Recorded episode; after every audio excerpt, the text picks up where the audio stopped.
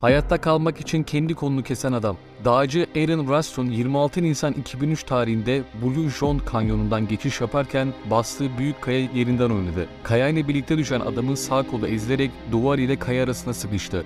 Aaron yola çıkmadan önce kimseye haber vermediğinden onu aramaya çıkacak kimse yoktu. Panikle kurtulmaya çalışan adamın çok az suyu ve yemeği vardı.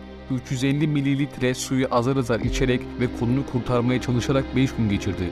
360 kilogramlık kayadan kurtulamayacağını anlayan adam kolunu kesmeye karar verdi. Ancak ilk denemesinde ufak kesikler atabildi. Umudu ve suyu tükenen adam duvara ölüm tarihini yazdı ve kendini video çekti. Diğer gün uyandığında ise önce kemiğini kırarak küçük bir kör bıçakla bir saatte kolunu kesmeyi başardı. Bu halde düştüğü yerden tırmanıp çıkarak 20 metrelik yamaçtan aşağı indi. Yürüyüş yapan bir aile ona su içirdi ve yardım çağırdı. Aaron kolunu kestikten 6 saat sonra kurtarıldı. Hikayesi 127 saat adlı filme konu oldu.